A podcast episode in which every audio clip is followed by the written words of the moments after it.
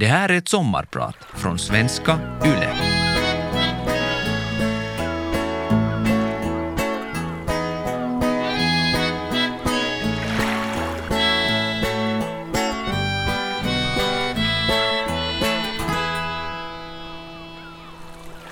Vad jobbar du med? frågade prästen som för en stund sedan döpte min brorsdotter. Det är en kylig försommardag och dopgästerna har trängt in sig runt bordet på den inglasade verandan för att få skydd från vinden. När jag berättar att jag jobbar som psykolog tänds en gnista i hans ögon. Vårt delade intresse för människans väl och ve lovar att det skulle finnas gott om samtalsämnen vid kaffebordet. Och mycket riktigt samtalar vi ivrigt en god stund om psykisk hälsa och välmående bland unga och hur det kan hänga ihop med olika trender i samhället. Diskussionen glider in på forskning om de här frågorna och jag nämner att jag håller på att doktorera i psykologi.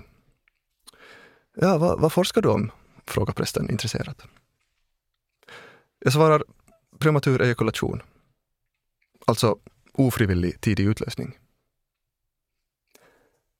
Plötsligt är gnistan i hans ögon som bortblåst. Han blir tyst och vrider lite på sig. Blicken flackar runt och söker en utgång ur den här plötsligt väldigt obekväma situationen. Efter några sekunder harklar han sig och spänner ögonen i min bordsgranne och frågar att Nå, vad jobbar du med då?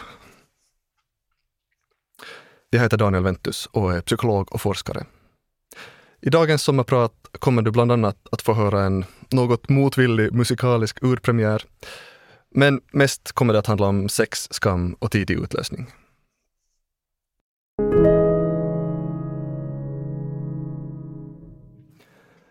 Jag har en god vän som eh, gjort, liksom många andra finlandssvenskar, och tagit sitt pick och pack och flyttat västerut. När jag har möjlighet brukar jag hälsa på honom där han bor i en förort utanför Stockholm. Det sista man ser när man går ut från hans lägenhet är ett citat som han har tejpat upp på dörren. Där står Det är inte dig det är fel på. Det är världen som är sjuk. Som psykolog jobbar jag till vardags mest med de här individuella problemen. Men jag håller med om att, eh, att de här problemen kan vara orsakade av den kontext vi befinner oss i. Och det här gäller inte minst eh, för det område som jag råkar vara expert på, nämligen ofrivillig tidig utlösning. För att förklara hur jag menar kan vi se på människan ur ett evolutionärt perspektiv. Som art har vi utvecklats väldigt långsamt under tusentals och åter tusentals år. De individer som hade sådana egenskaper som ökar deras chanser att överleva och få barn förde sina gener vidare till nästa generation. Och om vi nu tänker på, på våra urförfäder som vandrar på savannen så, så fanns det egentligen ganska många fördelar med egenskapen att få utlösning väldigt snabbt efter påbörjat samlag. För ifall samlaget pågick väldigt länge var risken stor att eh, till exempel ett rovdjur skulle hota paret eller att en konkurrerande hanne skulle komma och ställa till problem. Båda de här fallen skulle leda till ett eh, avbrutet samlag, vilket innebär att mannen som hade sex väldigt länge inte fick några barn som förde vidare hans gener. Sett ur en rent evolutionär biologisk synvinkel är den enda egentligen prematura ejakulationen den som sker före du har trängt in i din partner.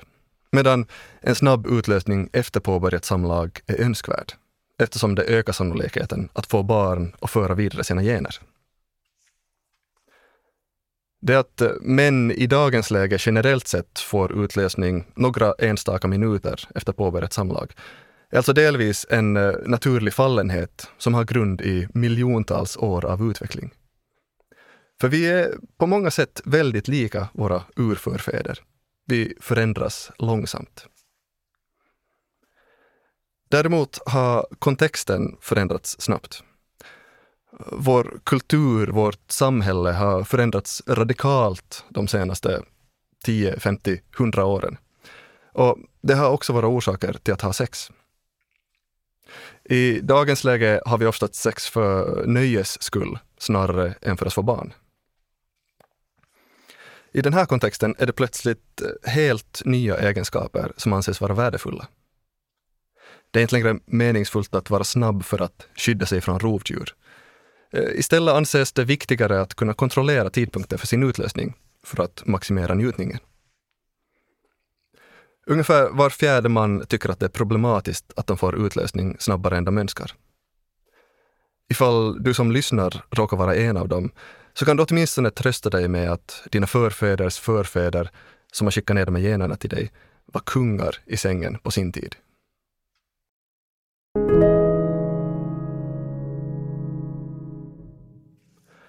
Normer kring sexualitet dikteras av det samhälle vi råkar leva i. Om vi jämför hur det skulle vara att eh, leva i det ofta stränga viktorianska England på 1800-talet med att leva i hippierörelsens fria kärlek i USA på 1960-talet eller i 2020-talets Finland kan vi konstatera att synen på sexualitet har varierat en hel del. Så länge alla beter sig enligt vad normerna råkar föreskriva för tillfället så kan det vara svårt att lägga märke till att vi har normer överhuvudtaget. Men när någon bryter mot en norm kan det plötsligt bli smärtsamt tydligt att det finns förväntningar och åsikter om vad som är okej okay och inte okej. Okay. Mitt eh, inledande exempel med personen som plötsligt avbröt ett samtal när det visade sig att jag forskar om sex visar på en aspekt av hurdana normer vi har kring sexualitet i vårt samhälle. Det är någonting lite obekvämt, pinsamt. Någonting som hör hemma bakom låsta sovrumsdörrar. Och det är ju en ganska ironisk kontrast att det är så svårt att prata om sex, om vi tänker på att sex på många sätt genomsyrar vårt samhälle. Sex syns ju överallt i serier och filmer och poddar och porr och reklam inte minst. Nu menar jag inte att, att vi borde slopa alla normer och att eh, alla borde tala öppet om sitt sexliv i vilket sammanhang som helst. Jag väljer också att inte prata särskilt mycket om mina egna sexuella erfarenheter i det här sommarpratet. Istället håller jag mig på en mer allmänt klinisk och vetenskaplig nivå. Något slags normer behövs för att vårt sociala samspel ska fungera. Men ifall våra normer blir för snäva så kan de bli begränsande. Ett exempel på det är ifall man inte får tala om sin homosexuella läggning i positiva ordalag. Det här var faktiskt förbjudet enligt lag i Finland så sent som år 1999. En norm kring manlig sexualitet som kan vara problematisk är att män förväntas att alltid vilja ha sex. Men så behöver det inte vara. Precis som för alla andra kan sexlusten variera mellan olika situationer, personer och omständigheter i livet. Den här normen eh, riskerar också att snedvrida samtyckesdebatten ifall man utgår ifrån att män per definition samtycker till det allra mesta. Och nej, erektion är inte en mätare på samtycke. Normer kan också ställa till problem i sängkammaren. Vi bär alla på mer eller mindre omedvetna idéer och antaganden om hur det ska gå till när vi har sex. I vår kultur är det vanligt att vi fokuserar väldigt mycket på penetrationen. Det är det som är riktigt sex. Eller åtminstone sexets huvudakt. Och om man då lider av till exempel tidig utlösning så blir det här ett problem, för man lever ju inte upp till den normen. Lösningen blir då att antingen göra någonting åt den tidiga utlösningen eller att ifrågasätta normen och istället hitta andra sätt att ha sex som inte är lika beroende av penetration.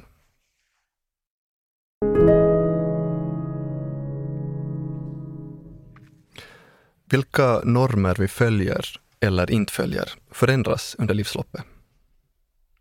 Speciellt under tonårstiden så kan de här sakerna ändra väldigt mycket. Jag hade en ganska kort men intensiv period i högstadiet då jag var väldigt aktiv i frikyrkliga sammanhang. Medan många av mina klasskompisar bröt sig loss från föräldrarna genom att vara ute på byn och supa om helgerna så blev min revolt att bli riktigt, riktigt religiös. En sak som fångade mig var att jag var med om väldigt starka känslomässiga upplevelser. Jag tyckte att det var frigörande att, att våga ge mig hän fullständigt i extas och tungotal, knäböjande framför ett altare. Om jag skulle försöka förklara hur det kändes så, så kan du tänka dig att du står och trängs framför scenen på en festival medan ditt favoritband spelar din favoritlåt och hela publiken sjunger med. Eller eh, att ditt fotbollslag precis sätter in det här avgörande målet som gör att ni vinner kuppen. Sen tar du den filen och skruvar upp det gånger tio eller jag vet inte, hundra kanske. I religionen erbjuds också någonting som jag vid första anblicken uppfattade var ett, ett tydligt rättesnöre gällande vad som var rätt och fel. När jag som tonåring sökte en ny identitet så kändes det bra att ha tydliga riktlinjer. Och jag stortrivdes i rollen som den som berättar för andra hur saker och ting låg till. Jag var till exempel med i ett, ett band och skrev sånger som fullkomligt dröp av både svavel och självgodhet. Och vissa teman var enkla att predika. Till exempel att girighet är dåligt, eh, att det är dumt att dricka sig full och att man ska akta sig så att man inte hamnar i helvete. Men andra moraliska normer började ganska snabbt skava. Till exempel när det gällde sexualitet. Jag fick lära mig att det enda acceptabla sexuella beteendet fanns inom ett heterosexuellt äktenskap. Allt annat, vare sig det handlar om att vara homosexuell eller att ha sex före äktenskapet, var förbjudet. Om du ens kände begär till någon som du inte var gift med, så hade du redan syndat.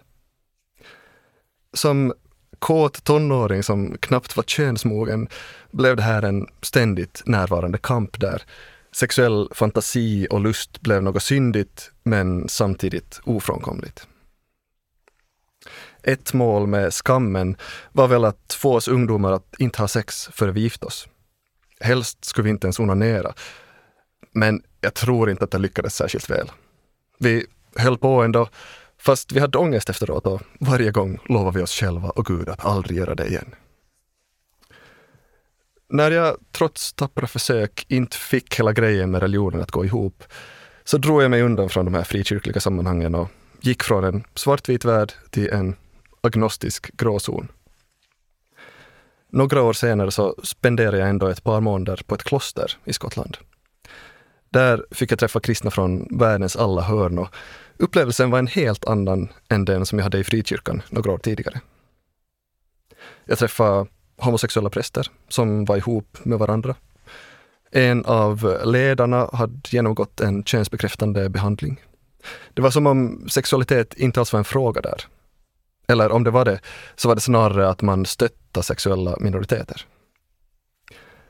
Även här på klostret så var moraliska frågor centrala. Men jag upplevde det aldrig som att eh, moraliska frågor vändes som en liksom, skammens knivsudd mot individen. Istället flyttades fokus till samhället runt kyrkan och moralen sporra till engagemang för social rättvisa och att hjälpa andra. En av de saker jag tog med mig från den här erfarenheten var att jag fick se att det inom den kristna kyrkan finns utrymme för olika slags förhållningssätt till sexualitet och många olika frågor som kan lyftas upp som viktiga att kämpa för.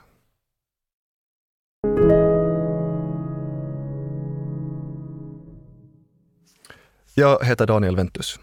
Jag är psykolog och forskare och dagens sommarprat handlar om sex, skam och tidig utlösning. Du som lyssnar kanske undrar hur det kommer sig att någon börjar forska om tidig utlösning. Den frågan får jag ibland. Och ibland märker jag att någon skulle vilja fråga, men inte riktigt is. Eftersom den underliggande frågan egentligen är äh, Har du själv problem med det här? Skulle du tro mig om jag sa nej? När jag började studera på universitet så märkte jag ganska snart att forskning är någonting som jag gärna sysslar med. När jag forskar får jag göra sånt som jag är bra på och jag får utmana mig själv och utvecklas. Så i bästa fall får jag bidra till att göra världen till en lite bättre plats. Allt det här känns meningsfullt och viktigt för mig. Men när jag fick möjligheten att doktorera var det ändå ingen självklarhet att ta emot jobbet. Det skulle innebära ytterligare fyra år av studier, krävande tankearbete och förhållandevis dåligt betalt. Dessutom handlar projektet om tidig utlösning. Och var jag verkligen beredd att bli förknippad med något sånt? Vad skulle folk tro om mig om jag forskar om det? Om sex överlag är någonting som kan vara lite skamligt så är väl sexuella dysfunktioner som tidig utlösning i synnerhet kopplat till skam. De patienter som jag träffar har burit på en dubbel börda. Först har de ett problem i sexlivet, men dessutom så, så bär de på en stor skam över den här problematiken. Många vågar inte ens söka hjälp, trots att det här problemet kan påverka livskvaliteten väldigt mycket. När folk väl söker hjälp för sin tidiga utlösning är det oftast just det som är den centrala frågan. Hur ska jag kunna ha samlag längre? På den frågan finns många svar. För även om vi biologiskt sett kan vara lagda åt att komma tidigt, så finns det mycket vi kan göra för att förändra situationen. För det första är det viktigt att eh, känna till att eh, liksom själva utlösningen är en reflex som sätter igång när en sexuella upphetsning är tillräckligt stark. Har man väl kommit till den punkten att man kommer så finns det ju ingenting att göra åt den saken numera. En lösning blir istället att eh, lära sig känna igen och reglera sin nivå av upphetsning så att inte den här reflexen aktiveras förrän man själv vill. För att göra det här så finns det övningar man kan göra ensam eller tillsammans med sin partner. Målet är bland annat just att känna igen kroppens signaler så att man vet hur upphetsad man är. Vad händer till exempel med min andning när jag blir upphetsad? Kanske blir den snabbare och mer ytlig. Vad händer med musklerna i bäckenbotten? Kanske jag märker att de blir mer spända när jag blir upphetsad. Om man lär sig att lägga märke till sådana här tecken på upphetsning får man bättre koll på hur nära man är att komma och man har bättre chans att reglera mängden stimulans man får så att man inte kommer förrän man är redo. Det är också en bra idé att inleda samlaget på en tillräckligt låg nivå av upphetsning så att man har lite marginal. Eh, det finns också farmakologiska alternativ, till exempel bedövningskrämer som gör att man inte känner lika mycket, vilket fördröjer utlösningen. Eh, så kallade SSRI-preparat, som ofta används för att behandla depression och ångest, har också den ibland önskvärda bieffekten att fördröja utlösning. Och vissa tycker att det är hjälpsamt att använda sådana här mediciner. Livsstilsförändringar kan också leda till längre samlag. Det finns några studier som visar att män som börjar motionera flera gånger i veckan höll ut längre i sängen. Faktiskt är effekten lika stark som för dem som istället använder mediciner. Motionen hade ändå fördelen att vara helt utan biverkningar, för att inte tala om alla andra hälsofördelar man får på köpet. Så ifall någon behöver extra motivation att fara ut på den där joggingturen, så kanske det här kan sporra dig till det. Det finns med andra ord många saker du kan göra för att kunna ha längre samlag. Men varför är det så viktigt?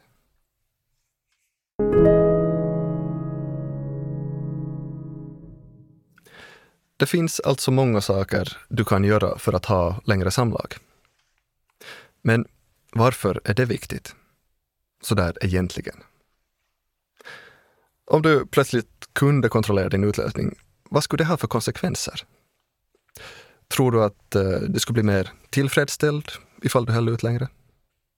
Eller är det kanske snarare din partners tillfredsställelse du är mån om?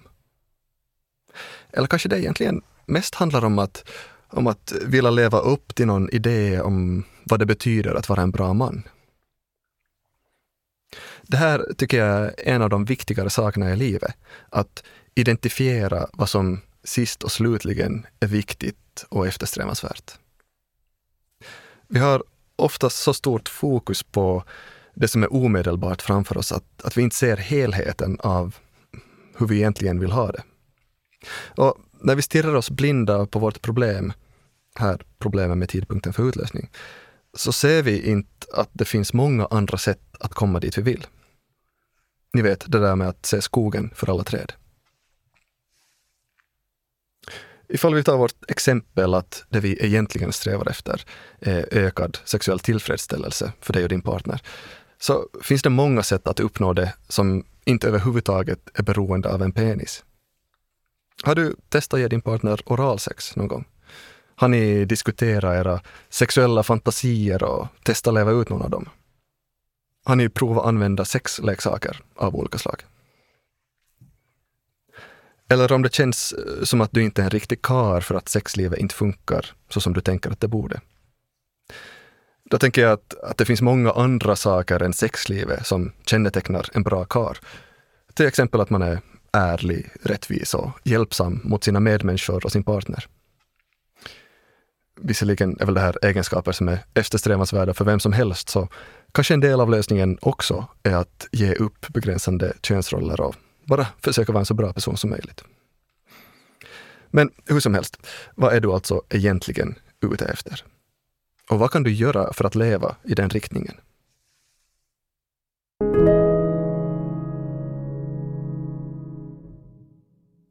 Jag har nyligen fått se min son lära sig gå. De första stegen han tog krävde all hans uppmärksamhet och ansträngning. Han skulle i tur och ordning flytta på fötterna samtidigt som han höll balansen. Ganska snabbt blev det här ändå automatiserat. Nu springer han iväg utan att verka ha en enda tanke på vad det är han håller på med. Det mesta av vårt fungerande som människor är automatiserat på det här viset. Och tack och lov för det. Det skulle inte funka ifall vi var tvungna att eh, fokusera på vartenda litet beslut som krävs för att vi ska ta oss igenom en dag. Men ifall vi vill få till stånd någon slags förändring i livet kan det vara nödvändigt att vi stänger av den här autopiloten. Och det är samtidigt någonting ganska simpelt, men ganska svårt att göra. För även om vi vet hurdana vi skulle vilja vara eller vad vi skulle vilja göra, kan steget vara ganska stort mellan att eh, vi vill någonting och att vi faktiskt gör det. Det här gäller väl oavsett om det handlar om att motionera eller pensionsspara eller att ta det där snacket med partnern om sexlivet. Hur kommer det sig att vi inte gör det vi egentligen vill göra? Eh, på den här frågan finns det många olika svar. Eh, ur ett psykologiskt perspektiv är det ändå två saker jag i första hand tänker på. Det första är att det ofta känns jobbigt att göra det som är viktigt. Och vi människor vill oftast inte känna jobbiga känslor. Vi tar ett exempel. Eh, säg att jag är singel och gärna vill ha en partner. Det finns en person på jobbet som det klickar bra med, som jag skulle kunna bjuda ut på dejt. Nu står jag här framför hennes bord och överväger att föreslå att träffas efter jobbet. Men jag är rädd för att bli avvisad, så jag undviker att bjuda ut kollegan. Ofta är det den negativa konsekvensen som styr hur vi beter oss. Vi vill någonting, men det kommer med en känslomässig kostnad vi inte vill betala, så vi gör inte det vi egentligen vill. Och det här är ett väldigt mänskligt sätt att fungera. Vi styrs ofta av den här omedelbara konsekvensen och undviker den fastän vi på ett rationellt plan vet att det ska vara bra för oss på lång sikt att bita i det sura äpplet. Men om vi bygger livet på att undvika det här obehaget så kommer vi antagligen inte i slutändan att få det liv vi helst vill ha. Den andra orsaken jag tänker på till varför vi inte lever som vi egentligen vill är att det som jag nyss beskrev ofta sker helt omedvetet. Det är den där autopiloten som slår på och undviker det som känns jobbigt. Hur gör man då för att bryta det här? Jag tänker mig att, att det handlar om att eh, ta ett steg tillbaka och observera. Vad är det riktigt som händer i mig just nu i den här situationen? Eh, I vårt exempel kanske jag känner rädsla för hur andra ska reagera. Kanske jag tänker på varför jag borde fråga nästa vecka istället för just nu. Kanske jag har en klump i magen och ett bultande hjärta. Okej, okay, det är det här som finns här just nu. Det känns obehagligt och autopiloten föreslår att jag ska fly undan situationen. Men nu kommer vi till det viktigaste. Kan du låta de här jobbiga sakerna vara här samtidigt som du gör det som är viktigt för dig? Är det värt det att möta din rädsla och ta risken med tanke på att det för dig närmare det liv du vill ha? Svaret på frågan huruvida det är värt det eller inte vet bara du. Men svara medvetet. Låt inte din autopilot styra dig bort från det liv du egentligen skulle vilja ha. När jag tänker på det liv jag vill ha är musik en viktig del av det. Jag har spelat över 15 år i olika band. Eh, de senaste åren främst med Vasas flora och fauna. Och när man spelar i band så jobbar man tillsammans mot ett gemensamt mål. Man skapar någonting vackert. Man har många roliga resor och erfarenheter tillsammans. Och via musiken har jag fått många goda vänner. Och visserligen har musiken fört med sig många spännande och utmanande situationer. Till exempel när vi har spelat på några av Sveriges största festivaler eller deltagit i livesändningar i TV. Men jag har ändå alltid gjort det som en del av en grupp där någon annan har varit bandledare. Så det har känts ganska safe. Någonting som jag vill göra, men hittills inte har gjort, är att eh, ge ut min egen musik. Och det tycker jag är betydligt läskigare än att med ett band släppa en skiva eller att spela för ett slutsålt konserthus. För om jag ger ut min egen musik, då är det bara jag som står där i strålkastarljuset och säger att hej, se här, här är någonting som jag har skapat som jag tycker att var så pass bra att jag vill dela med mig av till andra. Och det tycker jag känns väldigt sårbart. För hur ska folk reagera? Tänk om de inte tycker det är bra? Eller tänk om de inte bryr sig överhuvudtaget? Dessutom är det så att, att ju längre jag håller på med musik, desto svårare blir det. För min ribba för vad som är tillräckligt bra stiger hela tiden. Eh, det blir som att eh, om jag ska ge ut någonting så måste det vara helt fantastiskt bra och fånga liksom hela min artistiska vision.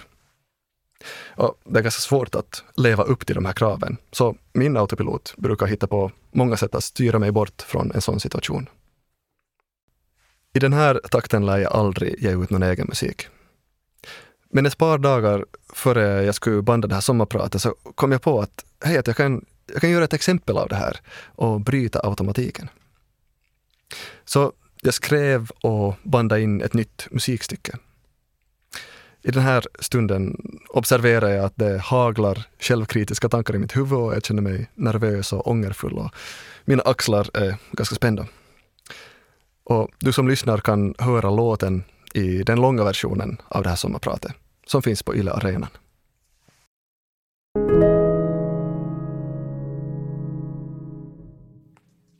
Det är väldigt många som upplever att det är svårt att prata om sex.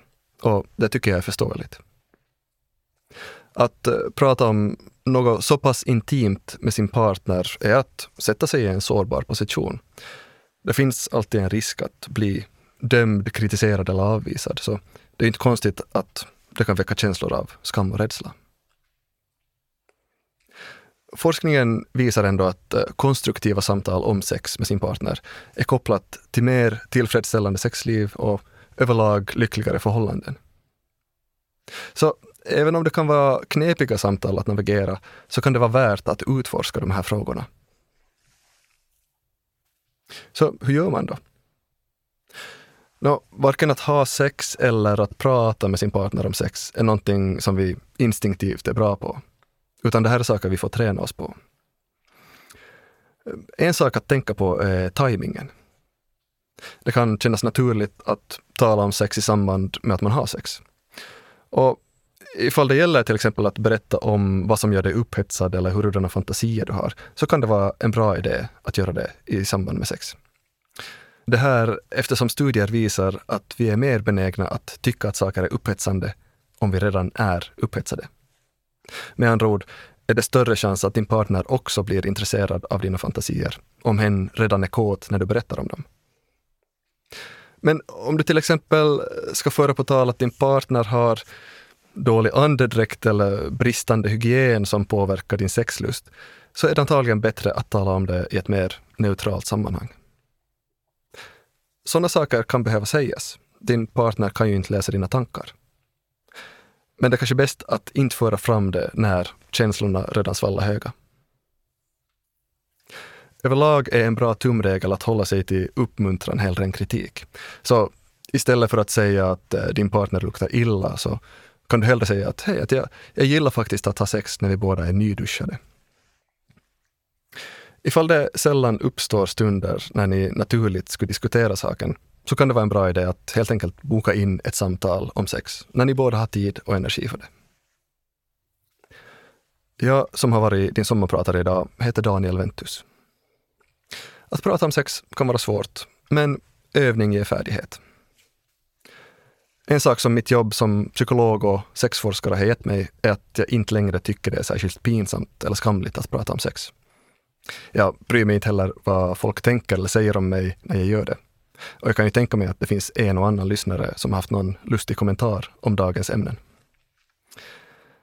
Men ändå, när min fammo frågar att vad, vad är det nu riktigt du forskar om?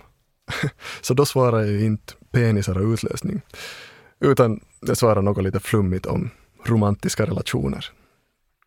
För vi påverkas ju, som sagt, av kontexten.